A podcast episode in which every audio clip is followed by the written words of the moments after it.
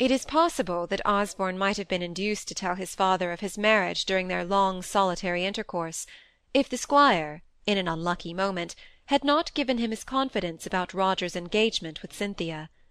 It was on one wet Sunday afternoon, when the father and son were sitting together in the large empty drawing-room. Osborne had not been to church in the morning; the squire had, and he was now trying hard to read one of Blair's sermons. They had dined early, they always did on Sundays, and either that, or the sermon, or the hopeless wetness of the day, made the afternoon seem interminably long to the squire. He had certain unwritten rules for the regulation of his conduct on Sundays. Cold meat, sermon reading, no smoking till after evening prayers, as little thought as possible to the state of the land and the condition of the crops, and as much respectable sitting indoors in his best clothes as was consistent with going to church twice a day, and saying the responses louder than the clerk. To-day it had rained so unceasingly that he had remitted the afternoon church, but oh, even with the luxury of a nap, how long it seemed before he saw the hall servants trudging homewards, along the field-path, a covey of umbrellas. He had been standing at the window for the last half-hour, his hands in his pockets, and his mouth often contracting itself into the traditional sin of a whistle, but as often checked into sudden gravity, ending, nine times out of ten, in a yawn. He looked askance at Osborne, who was sitting near the fire absorbed in a book.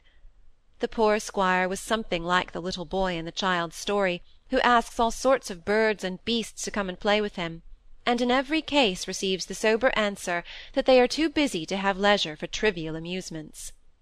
The father wanted the son to put down his book and talk to him. It was so wet, so dull, and a little conversation would so while away the time. But Osborne, with his back to the window where his father was standing, saw nothing of all this, and went on reading. He had assented to his father's remark that it was a very wet afternoon, but had not carried on the subject into all the varieties of truisms of which it was susceptible. Something more rousing must be started, and this the squire felt. The recollection of the affair between Roger and Cynthia came into his head, and without giving it a moment's consideration, he began, "Osborne, do you know anything about this this attachment of Roger's?" Quite successful. Osborne laid down his book in a moment, and turned round to his father. "Roger in attachment? No, I never heard of it. I can hardly believe it. That is to say, I suppose it is to And then he stopped, for he thought he had no right to betray his own conjecture that the object was Cynthia Kirkpatrick. Yes, he is, though. Can you guess who to? Nobody that I particularly like not a connection, to my mind. Yet she's a very pretty girl, and I suppose I was to blame in the first instance." "Is it—" "There's no beating about the bush. I've gone so far, I may as well tell you all. It's Miss Kirkpatrick, Gibson's step-daughter. But it's not an engagement, mind you." "I'm very glad. I hope she likes Roger back again." "Like! It's only too good a connection for her not to like it. If Roger is of the same mind when he comes home, I'll be bound she'll be only too happy. I wonder Roger never told me," said Osborne, a little hurt now he began to consider himself. "He never told me either," said the squire. "It was Gibson who came here and made a clean breast of it, like a man of honour. I'd been saying to him I couldn't have either of you two lads taking up with his lasses. I'll own it was you I was afraid of. It's bad enough with Roger, and maybe we'll come to nothing after all. But if it had been you, I'd have broken with Gibson and every mother's son of 'em, sooner than let him have it go on and so I told Gibson." "I beg your pardon for interrupting you, but once for all I claim the right of choosing my wife for myself, subject to no man's interference," said Osborne hotly. "Then you'll keep your wife with no man's interference, that's all. For ne'er a penny will you get from me, my lad, unless you marry to please me a little, as well as yourself a great deal. That's all I ask of you. I'm not particular as to beauty, or as to cleverness, and piano playing, and that sort of thing. If Roger marries this girl, we shall have enough of that in the family.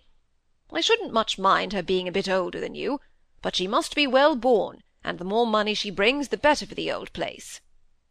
"I say again, father, I choose my wife for myself, and I don't admit any man's right of dictation." "Well, well," said the squire, getting a little angry in his turn. "If I'm not to be father in this matter, thou shan't be son. Go against me in what I've set my heart on, and you'll find there's the devil to pay, that's all.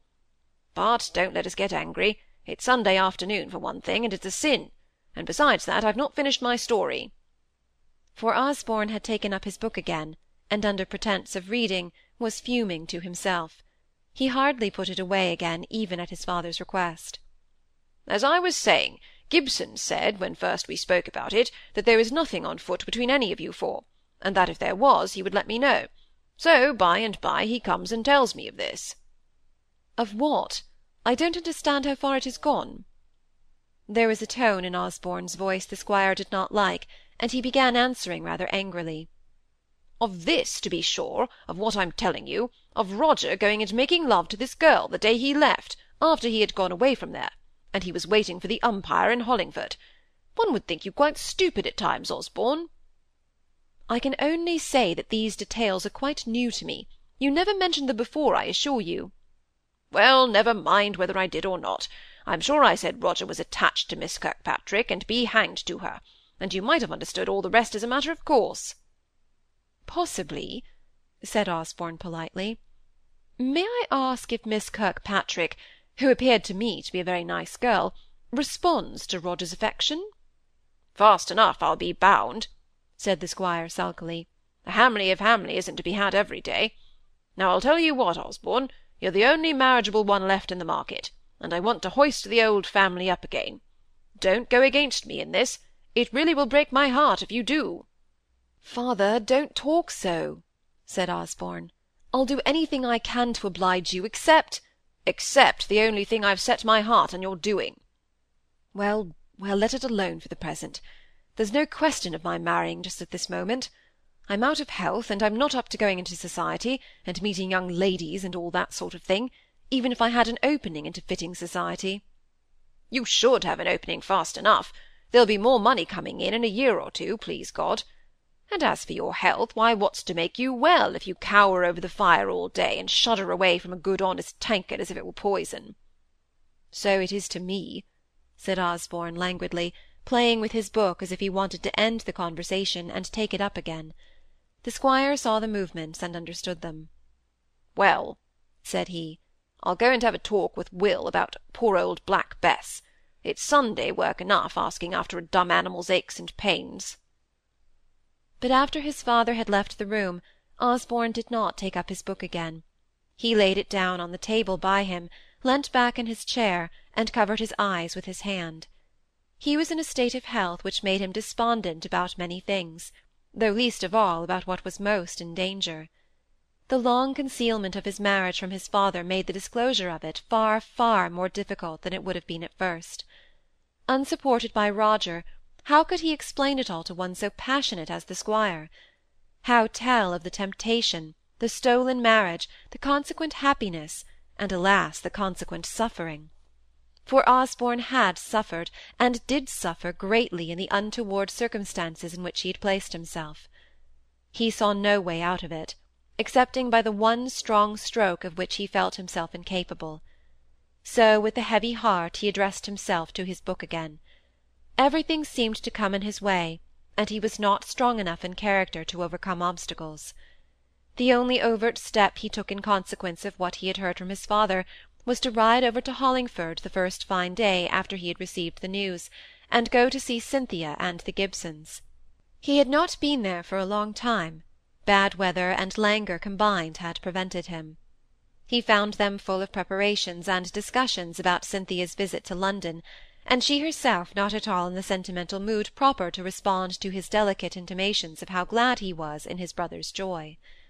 Indeed, it was so long after the time that Cynthia scarcely perceived that to him the intelligence was recent, and that the first bloom of his emotions had not yet passed away.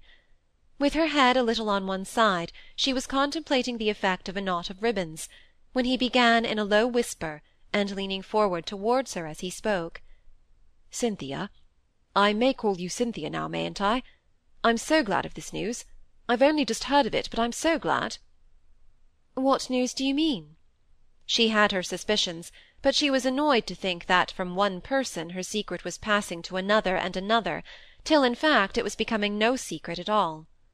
Still, Cynthia could always conceal her annoyance when she chose. Why are you to begin calling me Cynthia now? She went on smiling. The terrible word has slipped out from between your lips before, do you know? This light way of taking his tender congratulation did not quite please Osborne, who was in a sentimental mood, and for a minute or so he remained silent. Then, having finished making her bow of ribbon, she turned to him, and continued in a quick low voice, anxious to take advantage of a conversation between her mother and Molly. I think I can guess why you made that pretty little speech just now. But do you know, you ought not to have been told. And, moreover, things are not quite arrived at the solemnity of—of—well, an engagement. He would not have it so. Now I shan't say anything more, and you must not. Pray remember you ought not to have known. It is my own secret, and I particularly wished it not to be spoken about, and I don't like its being so talked about. Oh, the leaking of water through one small hole! And then she plunged into the talk of the other two, making the conversation general. Osborne was rather discomfited at the non-success of his congratulations. He had pictured to himself the unbosoming of a love-sick girl, full of rapture, and glad of a sympathizing confidant. He little knew Cynthia's nature.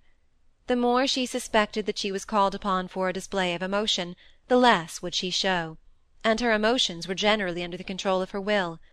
He had made an effort to come and see her, and now he leant back in his chair, weary and a little dispirited. "You poor dear young man," said Mrs. Gibson, coming up to him with her soft, soothing manner. "How tired you look! Do take some of that eau de Cologne and bathe your forehead. This spring weather overcomes me too. Primavera, I think the Italians call it but it is very trying for delicate constitutions, as much from its associations as from its variableness of temperature. It makes me sigh perpetually, but then I am so sensitive. Dear Lady Cumnor always used to say I was like a thermometer. You've heard how ill she has been? No, said Osborne, not very much caring either. Oh, yes, she is better now, but the anxiety about her has tried me so, detained here by what are, of course, my duties, but far away from all intelligence, and not knowing what the next post might bring. Where was she, then? Said Osborne, becoming a little more sympathetic. At Spa, such a distance off, three days' post. Can't you conceive the trial, living with her as I did for years, bound up in the family as I was? But Lady Harriet said in her last letter that they hoped she would be stronger than she had been for years, said Molly innocently.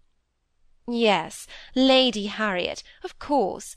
Every one who knows Lady Harriet knows that she is of too sanguine a temperament for her statements to be perfectly relied on.